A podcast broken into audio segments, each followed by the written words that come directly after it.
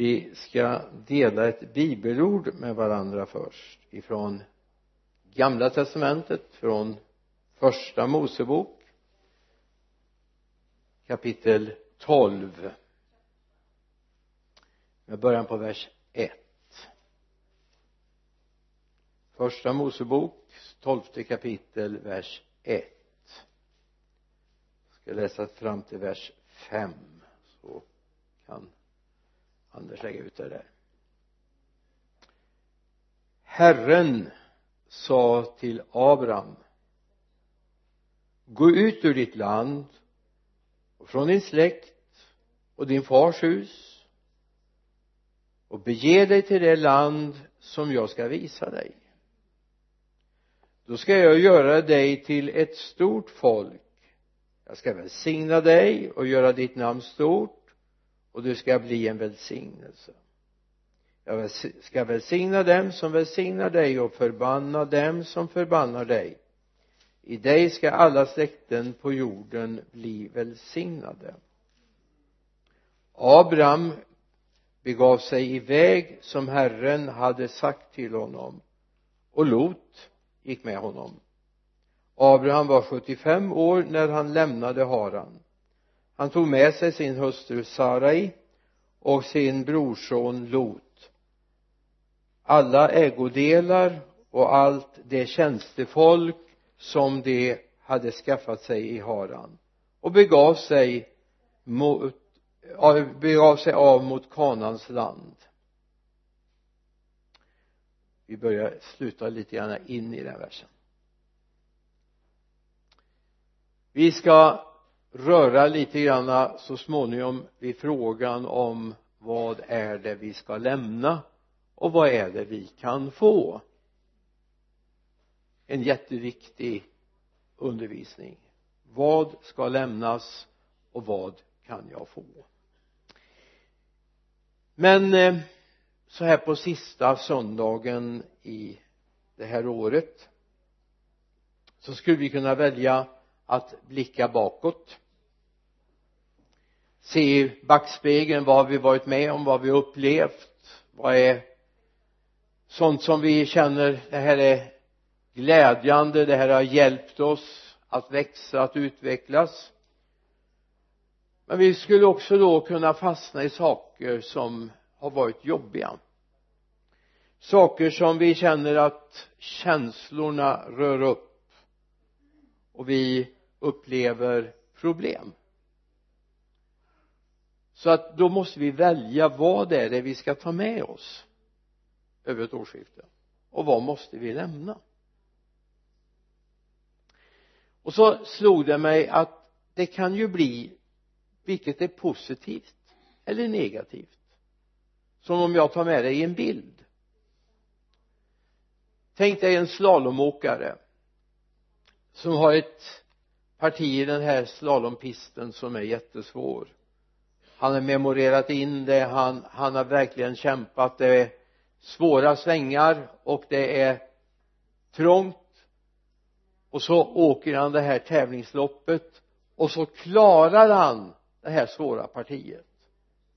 Om han då fortsätter sin utförsfärd med att fundera på hur gjorde jag för att klara det här? Så finns ju risk att han missar nästa och nästa och nästa port. Och så är han ute ur åket. Ibland kan det vara så att vi har positiva upplevelser tacksamhet. Men det kan uppta oss så vi missar resten av resan. Det finns fler portar som ska passeras. Det finns fler upplevelser vi ska göra.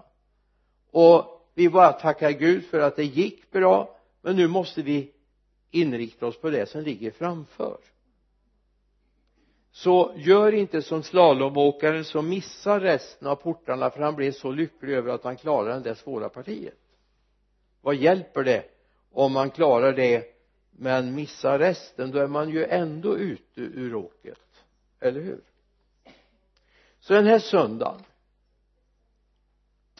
Kanske jag inte tänker så mycket att vi ska titta bakåt vi ska inte blicka mot det som har hänt utan vi ska bli lite framåtskådande. Vad är det som ligger framför?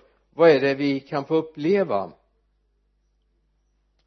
Låt mig bara få ta en ytterligare en liten bild. Den hämtar vi från bibeln. Du får gärna slå upp apostlagärningarnas andra kapitel och bara ha det framför dig.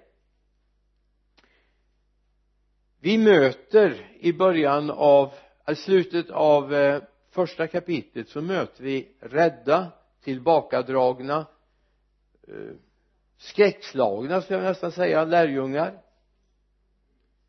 Och så kommer vi in i andra kapitlet och så gör de en fantastisk upplevelse.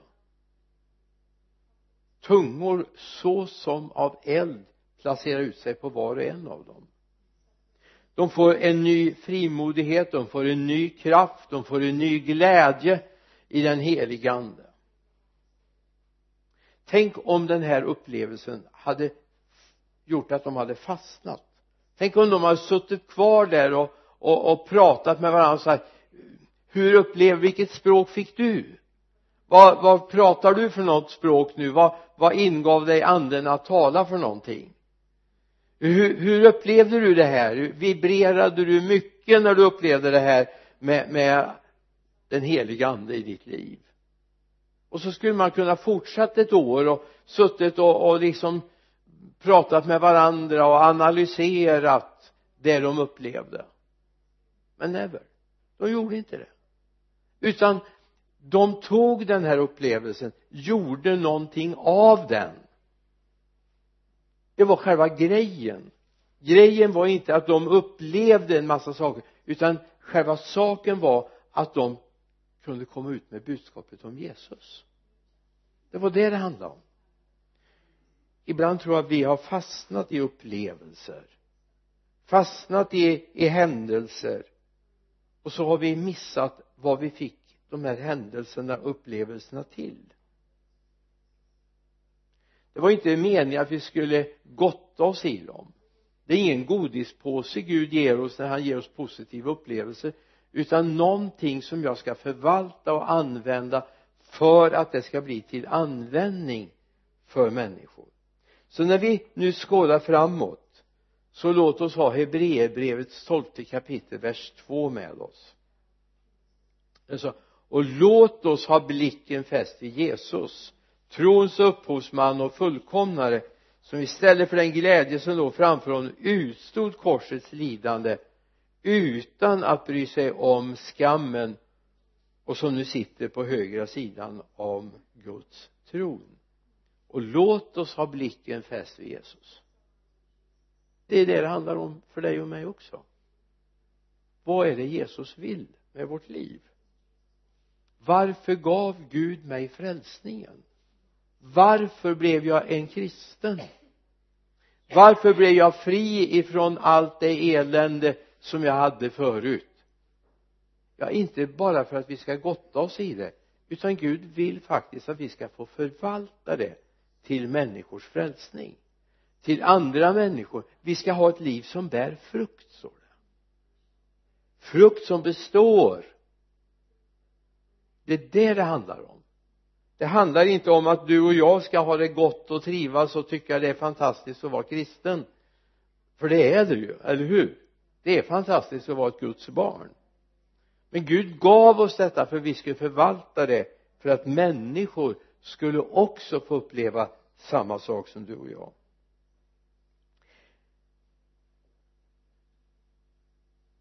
Mänskligt sett ligger nu 2014 som ett oskrivet blad du har inte upplevt en enda av de dagarna än. Jag vet inte om du känner skräck eller om du känner fascination över att det finns ett nytt år framför nu. Om Herren dröjer och vi får leva så kommer vi om några dagar att skriva 2014 mänskligt sett sa jag är det här ett oskrivet blad men är det det från Guds sida? Har Gud redan skrivit in någonting i den bok som egentligen skulle styra ditt liv? Om du finge möjlighet just nu att vända på bladet och se vad Gud har skrivit in den första i första 2014 eller tror du bara Gud hänger med och liksom skriver det som eh, vi upplever? När kvällen kommer 2014 den första i första så gör Gud liksom en eh, sån här dagboksanteckning. Idag har hon, idag har han upplevt. Är det så Gud gör? Eller har Gud skrivit redan nu? 2014 ja det är frågan. Med vilken känsla vill du gå det nya året till mötes? Jag säger inte att det Gud har skrivit in i 2014 års kalender för dig absolut kommer att hända. För jag är inte fatalist jag tror inte på ödet. Men jag tror heller inte på tillfälligheterna. Jag tror att du och jag finns med i Guds plan.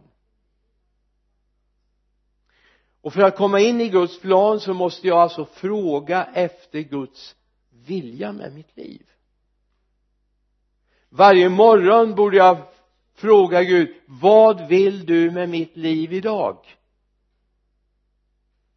Om du går till Efesierbrevets andra kapitel vers 10 så står det att vi är hans skapelser i Kristus Jesus. Vi är hans skapelser. Och så står det att vi ska vandra i av honom förut beredda gärningar. När förberedde han dem? Tio sekunder innan det hände. Eller ett år innan det hände eller när du föddes. Ja när när förberedande. Jag tror långt innan du och jag var födda så hade han en plan för ditt och mitt liv. Och det här är viktigt.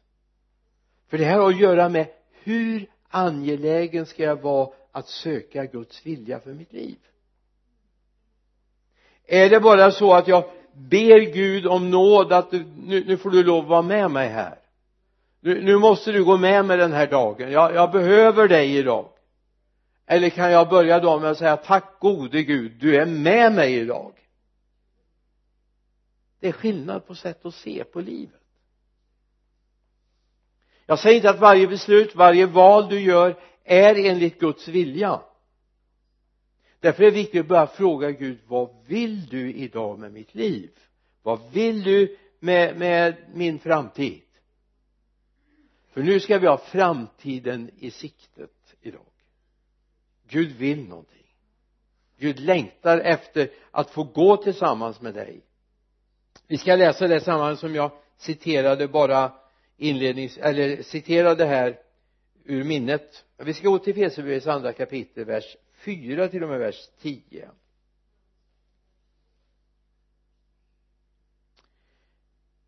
vers 4 men Gud som är rik på barmhärtighet har älskat oss med så stor kärlek också när vi ännu var döda genom våra överträdelser att han har gjort oss levande tillsammans med Kristus. Av nåd är ni frälsta. Ja han har uppväckt oss med honom och satt oss med honom i den himmelska världen i Kristus Jesus för att i kommande tider visa sin överväldigande rika nåd genom godhet mot oss i Kristus Jesus. Ty av nåden är ni frälsta genom tron inte av er själva. Guds gåva är det inte på grund av gärningar för att ingen ska berömma sig. Och så står det ty hans verk är vi skapade Kristus Jesus till goda gärningar som Gud har förberett så att vi ska vandra i dem.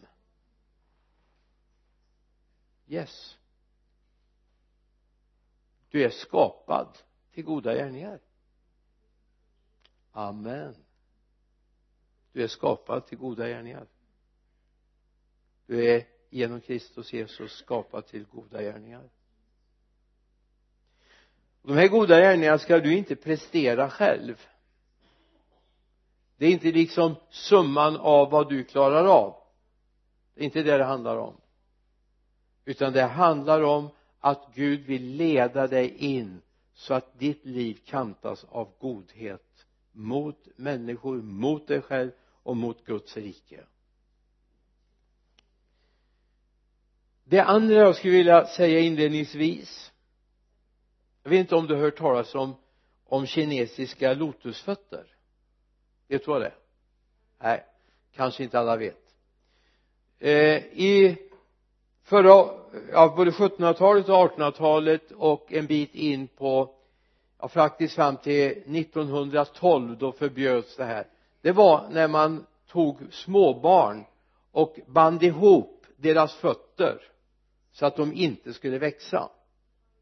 En fin damfot på den här tiden fick inte vara mer än mellan tre till fyra tum. Alltså mellan sju och en halv till tio centimeter. Du kan ju titta på din fot får du se skulle du klara en sko som är tio centimeter? Tveksamt.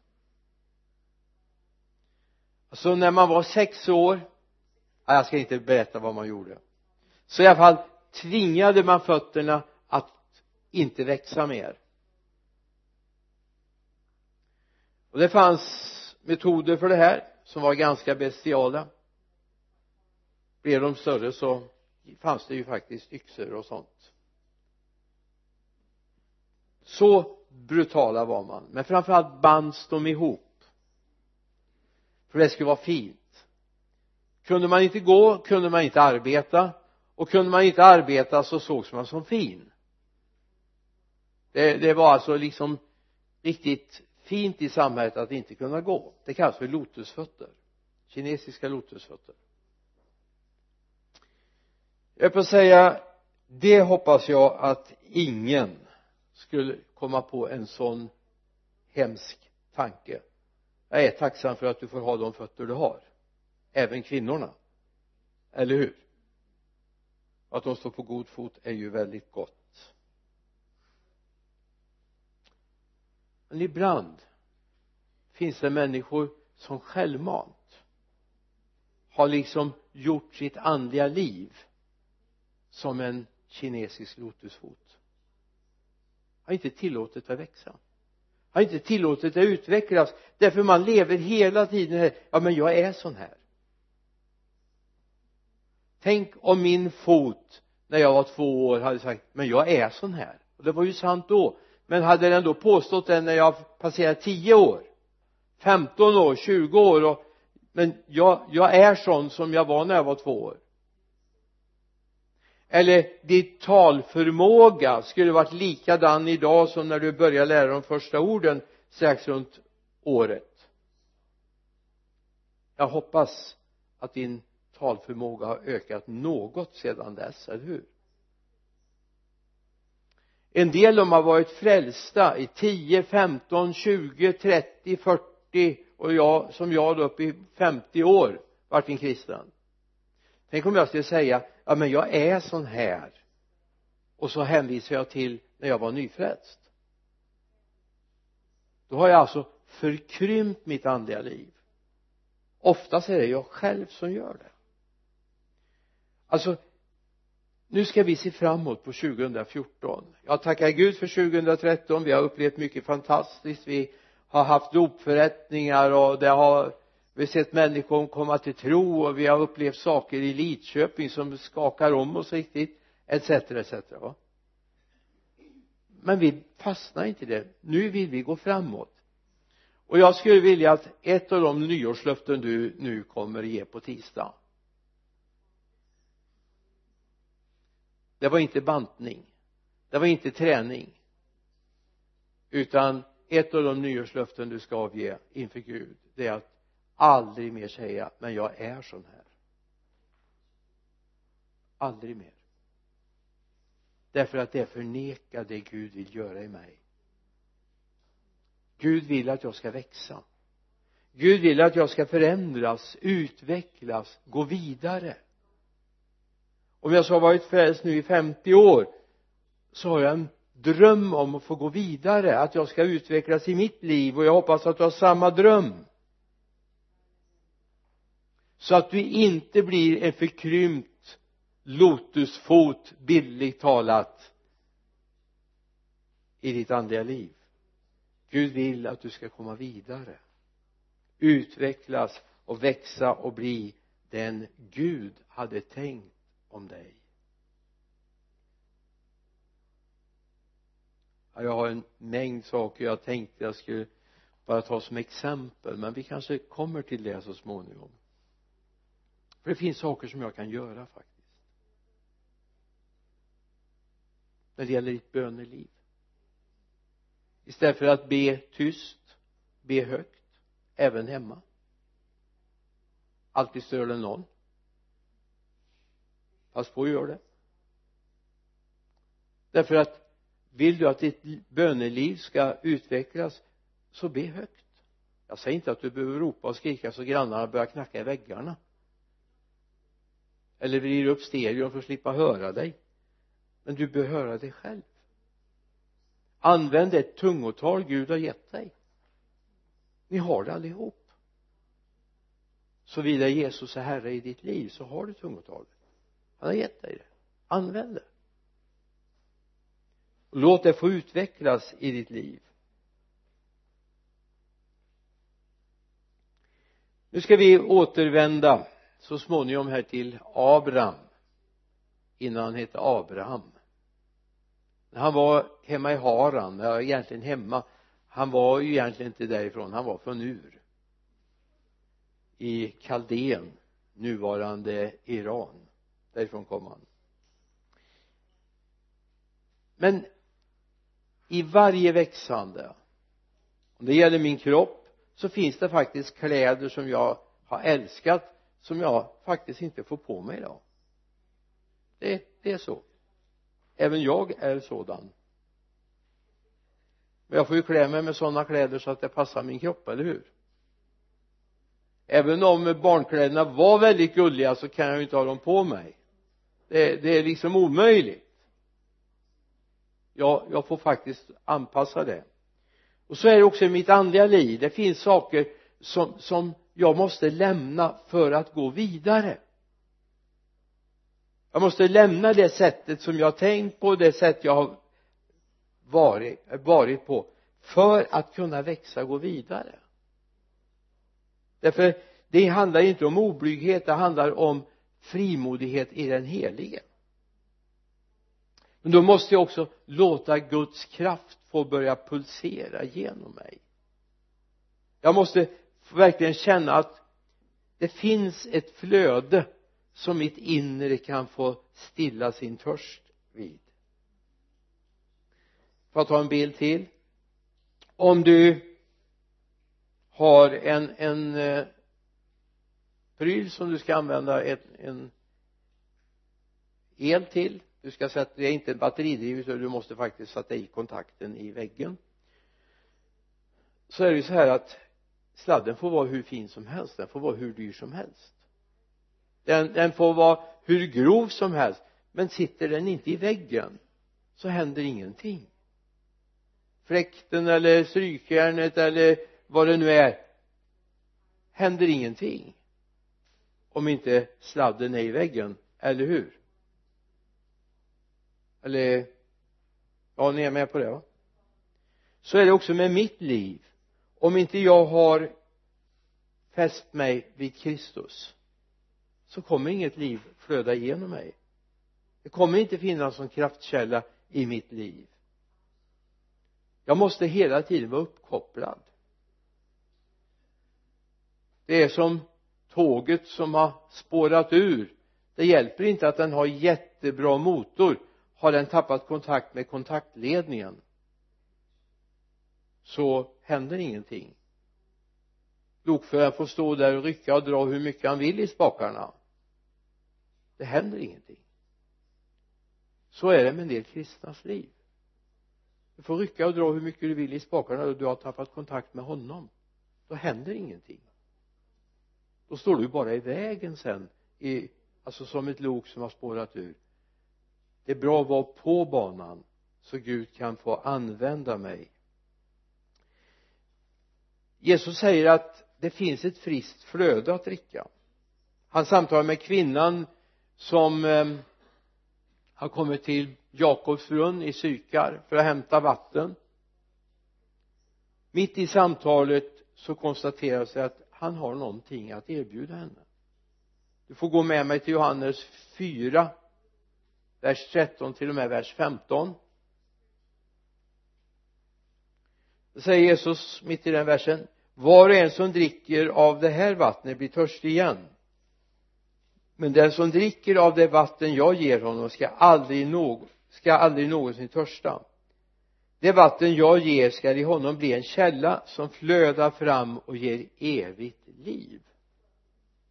Är det någonting som vi vill ha i vårt andliga liv? Alltså ett källsprång som gör att jag ständigt ständigt ständigt känn mig tillfreds. Ständigt. Jag kanske till och med med det källsprånget börjar ana vad Gud har skrivit i boken om 2014 du kanske kan börja skönja att det faktiskt finns någonting skrivet om ditt liv.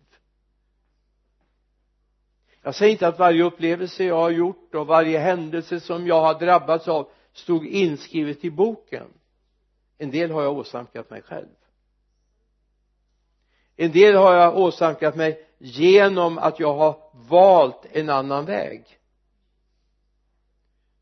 Men det finns också det som jag vet var inskrivet. Det finns en dag som jag är så övertygad om var inskrivet i hans bok fast jag försökte blunda för det.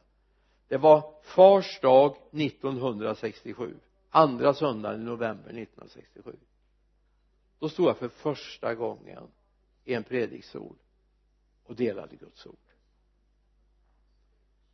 Jag är övertygad om att redan när jag var liten litet barn hade Gud skrivit in det i sin planeringskalender. Helt övertygad. Det var i hans vilja och hans plan för Gud ville någonting med mitt liv. I Johannes 7.37 säger Jesus 37-38 på den sista dagen den största i högtiden stod Jesus och ropade om någon törstar så kom till mig och drick. Den som tror på mig ur hans innersta ska strömmar av levande vatten flyta fram som skriften säger. Kom till mig alltså lämna där du är och kom hit och drick.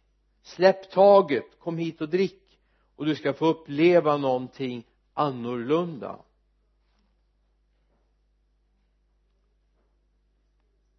När vi möter Abraham så är det ungefär 1700 år före Jesu födelse. Någonstans i den tidsperioden är vi. Abraham är född i Ur kaldeiska Ur. Det som hör till Persien eller Iran idag hans far hade en plan. Vi vet inte var han fick den planen ifrån. Vi vet inte vad det var som gjorde att han helt plötsligt packade ihop allt sitt där borta ur och var på väg till Kanans land som det står. Du läser det i slutet av elfte kapitlet i första Mosebok. Men han kommer inte längre än till staden Haran. Där bosätter han sig tillsammans med sina söner sonhustrur och slår sig till ro. Fadern heter Teran. I den situationen när Teran är död så kommer Guds kallelse på nytt. Och nu drabbar det Abraham och då säger Gud till Abraham gå ut ur ditt land och från din släkt och din fars hus och bege dig dit dig till det land som jag ska visa dig. Gå ut ur ditt land och från din släkt och din fars hus och bege dig till det land som jag ska visa dig hur mycket han kommer ihåg av pappas kallelse om Kanans land det har jag ingen aning om. Men ett vet vi han får en förnyad kallelse. Och nu var det så här att han hade ett val. Det var inte så här att Gud kom och liksom som vi kan läsa i en del apokryfer lite konstiga grejer att Gud tog människor i håret och lyfte dem och sådana här saker. Jag tror inte på det alltså. Jag, jag tror inte apokryferna är nyttiga att läsa en gång finns mycket underligt i dem. Så om profeten Habakuk till exempel som eh, en herrens ängel tog i, i hår, håret så här och flög iväg med. Tveksamt. Utan här handlar det faktiskt om ett beslut som Abraham fick göra. Ska jag bryta upp? Ska jag ge mig iväg ska jag ta med mig Lot? Ska jag ta med mig mina tjänare och tjänarinnor ska jag ta med boskapen och ska vi ge oss iväg. Han gav sig iväg. Han lämnade. Vi har inte en enda rad om att han är tillbaka i Haran någon gång sen. Utan han lämnar för att gå med Gud. Alltså jag tror att det handlar väldigt mycket om att om Gud ska få visa det nya jag menar Abraham kunde ju ha sagt så här ja men det här med Kanans land verkar ju väldigt spännande. Vi kan väl göra en liten eh, rekognoseringsresa dit och se hur, hur fint det är. Kanske jag kan välja att flytta dit. Nej han bröt upp utan att veta vart han skulle komma står det. Om du läser Hebreerbrevets elfte kapitel vers 8 i tron lydde Abraham när han blev kallad att dra ut ur det land som han skulle få i arv till det land som han skulle få i arv. Och han begav sig iväg utan att veta vart han skulle komma. I tron levde han som främling i det utlovade landet. Han bodde i tält tillsammans med Isak, Jakob som var medarvingar till samma löfte. Ty han väntade på staden med de fasta grundvalarna det som Gud hade format och skapat. Här finns en spännande tanke. Låt mig bara få plantera den. Kan du få gå hem och tänka på den? När Gud kallar honom till kanan kallar ut honom ur sin släkt och sin familj. Är det så att kanan bara är en mellanlandning? Är det egentliga hemmet det som han verkligen bodde där i tält för att han skulle få i framtiden. Ta med den. Slut. Sätter en klammer där. Det står i tron lydde Abraham. Och det räknas honom som rättvärd, till rättfärdighet. Han lydde i tro. Han vågade leva som en främling därför han visste att Gud hade någonting i beredskap för honom. Och det fick han aldrig se i livet. Du och jag vi är produkter av det Gud kallade honom till. Han blev en del av frälsningsplanen. Det kom en Isak så småningom efter mycket vånda som så småningom blev ättling eller Jesus var en ättling av via Maria. Men eh, den storyn får vi ta lite längre fram. Det andra är han litade på honom som kallade honom. Han skulle gå till det land som han skulle visa honom. Det är alltså först när han sätter sig i rörelse som han får se slutmålet. Och så är det med ditt och mitt liv också. När Gud kallar oss att vi ska bryta upp att vi ska göra någonting nytt med vårt liv. Och det säger så ja men nu är jag för gammal ja ja.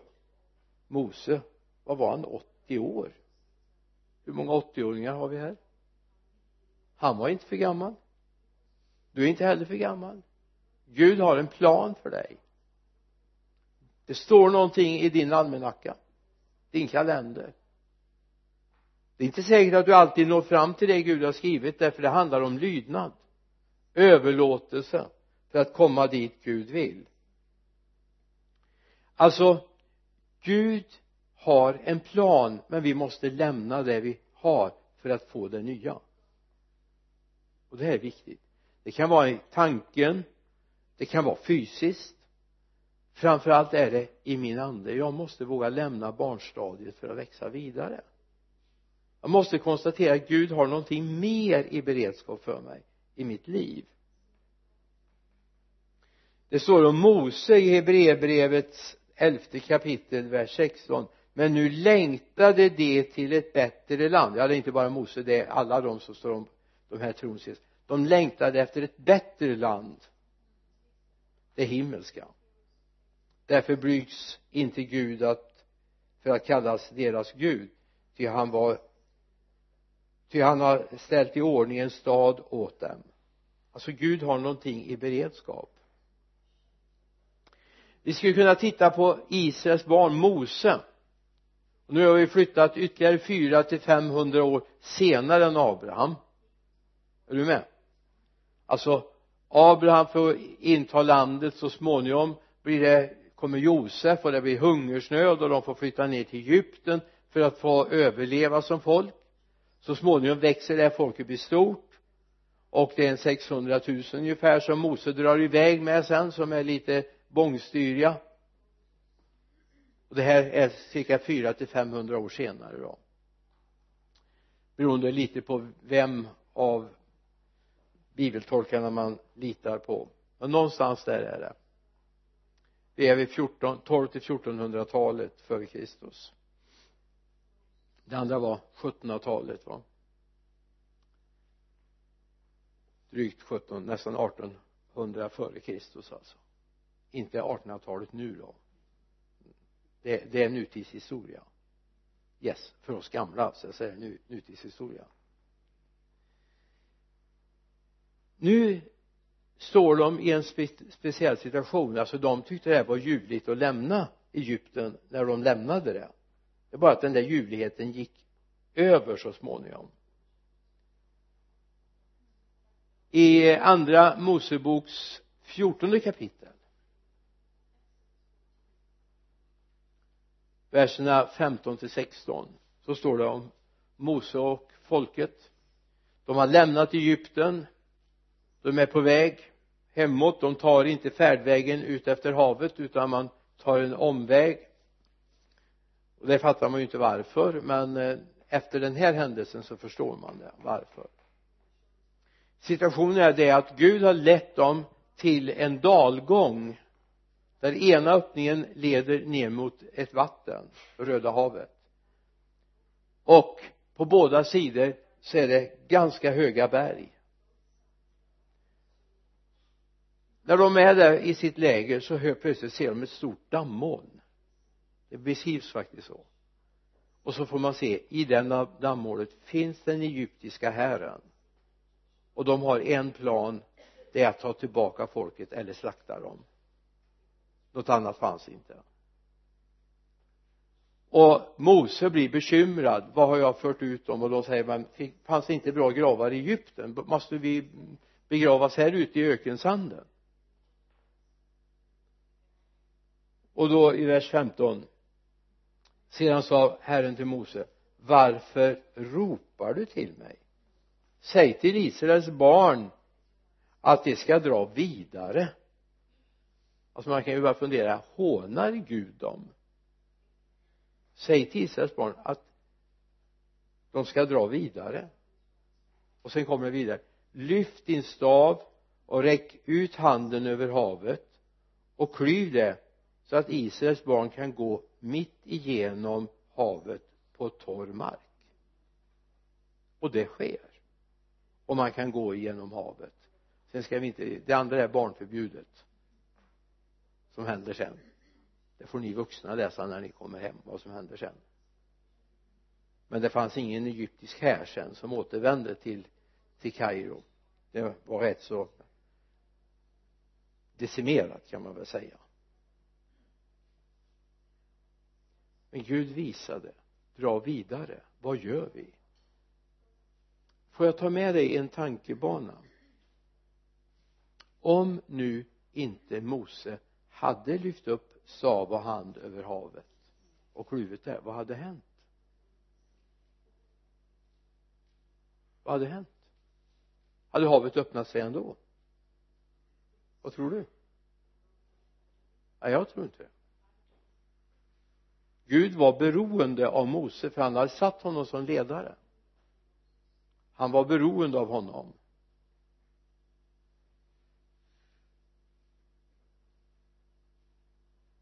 Alltså hängde det på om Mose litade på Gud. Och han gjorde det. Han gjorde det. Han litade på Gud. Lite senare så gör han ett misstag. Men det kan vi ta i nästa predikan. Vi tar en predikan om misstagen i livet. Det låter väl väldigt uppbyggligt, eller hur? Jag tror vi avstår det. Men han räcker ut sin hand. Havet delar sig. Ingen kunde ana att Gud långt, långt, långt, långt i förväg hade gjort en väg rätt över under havets yta. Spännande va? Fanns både en upp och nedgång så man kunde komma upp. Det var inget vadställe. Det var högt. Det stod som en mur på båda sidor av vattnet. Spännande naturfenomen verkligen som sker. Men det handlar om att det finns någon som lyssnar. Att folket är som folket alltid har varit. Det gnäller och gnyr och jag menar Gud gör det här miraklet och de dansar och de jublar när de kommer på andra sidan. Du kan läsa det lite längre fram. Det, det är jubel och dans verkligen. Men så kommer man en bit till så börjar man gnälla igen. Man har sett hur underbar Gud är och hur fantastisk han är va? Men det de är som folk har varit i alla tider. Om inte Herren har fått över ta övertaget i deras liv.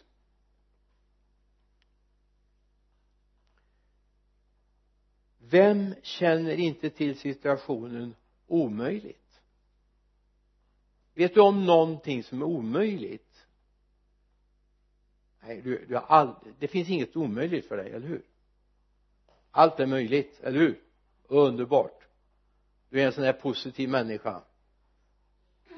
Det var skönt att ha dig som lite rådgivare ett tag. Nej visst möter vi omöjlighet. Kom ihåg att när du kommer in i det omöjliga då har Gud bara börjat och visa vad han kan. På alla områden. Familjen ekonomin församlingen din gudsrelation vad det än handlar om där du har skrivit omöjligt så har Gud tagit bort ordet o eller bokstaven o och så har det blivit möjligt. Det står i romarbrevets fjärde kapitel vers 18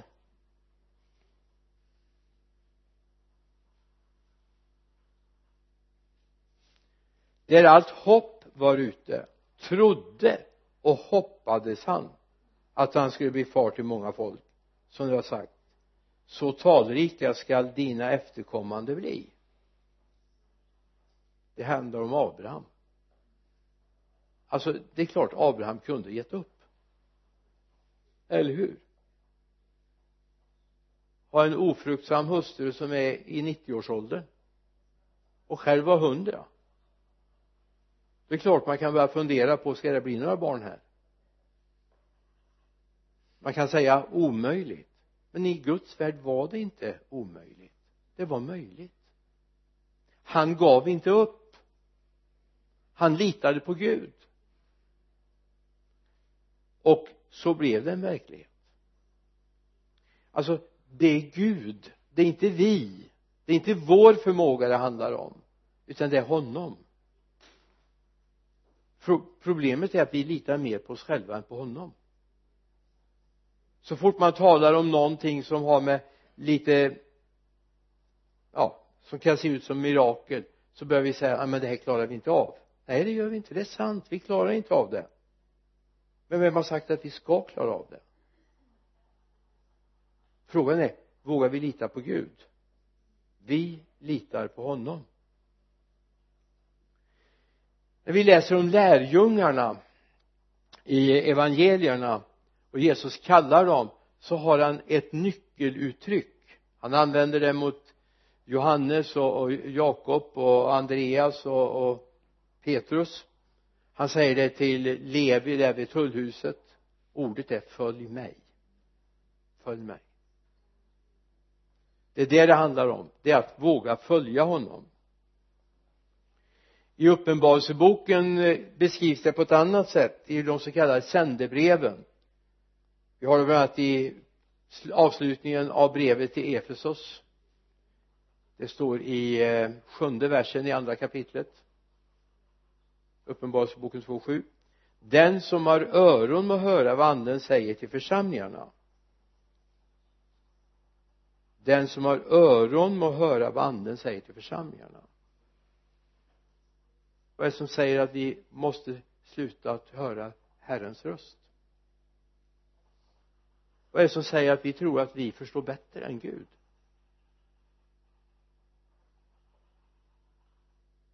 Vad är det som säger det? Jo det är han som finns där neråt vet du.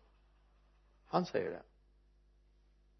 Men lyssnar vi till honom som är där och som ska bo i vårt hjärta säger han att det är möjligt den som har öron att höra vad anden säger till församlingen. Gud give att det är där vi är. Att vi lyssnar till honom när vi ser på framtiden. För då kommer han öppna den här boken för oss. Blad för blad. Kanske timma för timma. Är det så att Gud säger till oss idag drag vidare. Tacka Gud för att ni är här. Men om ni stannar här så kommer ni bli förgjorda. Men Gud säger drag vidare. Gud har en plan. Är det det Gud vill säga till oss som församling? Drag vidare. Jag har någonting mer i beredskap för er. Någonting jag vill göra. När vi startade upp det här projektet baptistkyrkan 94 så var det många som sa det är kört. Det är kört. Det fanns de som ville sälja den här kyrkan. För det är kört nu. Vi är tacksamma för tid som har varit. Vi är tacksamma för 60 och 70-talet som var något av en storhetstid i den här församlingen. Och det är vi också. Vi är tacksamma för det.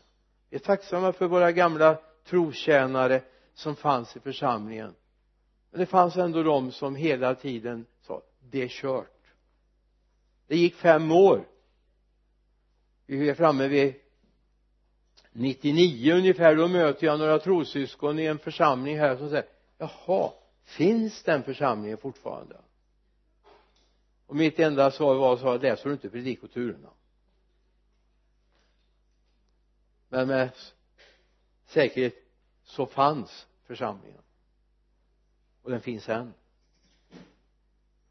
Gud är så mycket större. Det det handlar om för oss nu det är att vi likt fåren följer herden.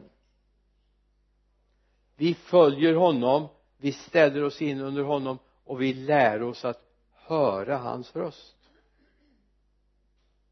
Får jag ställa en liten fråga. Du behöver inte svara med handuppräckning men jag skulle vilja att du tar den här på allvar. För det här handlar om om det lever i dig eller ej. När hörde du Gud tala senast? När hörde du Gud tala in i ditt hjärta senast?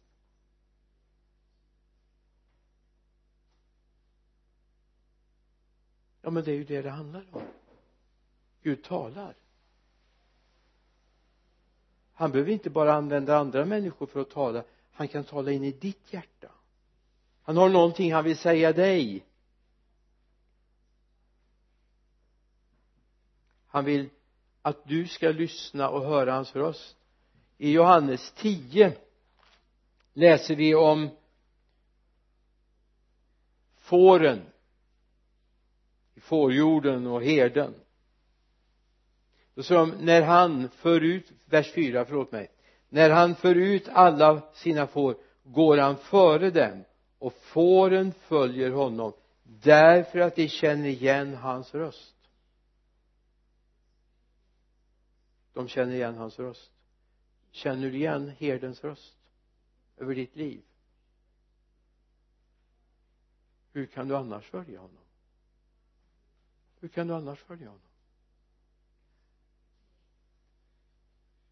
Alltså ibland har vi slått över till eller vi har gått emot honom. Det var lydnaden som förde Abraham ut ur Kaldejs äh, eh, ur eh, Haran på väg mot Kanans land. Det var lydnaden. I tro lydde han. Frågan är om du lyder honom. När han fört ut alla sina får går han före dem och fåren följer honom därför att de känner igen hans röst. Gud vill att du ska känna igen herden hans sons röst. Gör du det? Det är många röster det är mycket som talar mycket som påstår saker. Men vi kan få ett sådant förtroendefullt förhållande till honom så vi känner igen hans röst. Han vill öppna boken för dig. Det står 2014 Gud har en tanke för ditt liv. Det, det är inte så att per automatik kommer det här inträffa. Det kan inträffa mycket annat. Det kan hända det som är tragiskt, fruktansvärt. Men Gud har också någonting som han vill att du ska föras in i för att inte behöva drabbas av allt det där. Jag säger vi är människor, vi finns i den här världen, vi blir sjuka vi kan bli friska vi kan bli sjuka igen, ja. Men Gud har en överordnad plan för mitt liv. Jag hörde talas om en man? Han blev allvarligt sjuk och han, han hade alltid hävdat att att eh, ja men Gud är med. Så går de till honom på sjukhuset och de tycker väldigt synd om honom och beklagar att han har blivit så allvarligt sjuk och tittar på dem och säger men Gud har bara gett mig en ny arbetsplats. Visade sig att han vittnade för alla på rummet där. Han hade med sig sin bibel han kunde inte ta sig ur sängen. Men han läste Guds ord varje kväll för dem. Från början så satte de på sina lurar och lyssnade på radio men så småningom så trillade lurarna bort och de började lyssna. Och så fick han berätta om den tro han hade. Det är klart hade han sett det tre veckor innan eller fyra eller ett år eller fjorton år före så hade han bett Gud ta det här ifrån mig. Men han säger det här stod inskrivet. Och Gud ville ha mig han har försökt få andra men de har inte velat gå dit och läsa Guds ord. Men nu vill Gud att jag ska göra det. Amen. Jesus jag ber hjälp oss att se an 2014 herre vi vill se allt det goda du vill göra genom oss. Och herre vi ser också all den smärta vi kommer att få uppleva när vi går din väg. Men vi vill göra det Jesus. Vi vill göra det. Herre vi tror att det är du som har miraklerna i din hand. Herre det är ingenting som vi kan krysta fram av egen kraft eller förmåga. Men vi tackar dig Jesus för att du vill genom oss låta din vilja få ske i den här staden till människors frälsning. Tackar dig för detta i Jesu namn. Amen.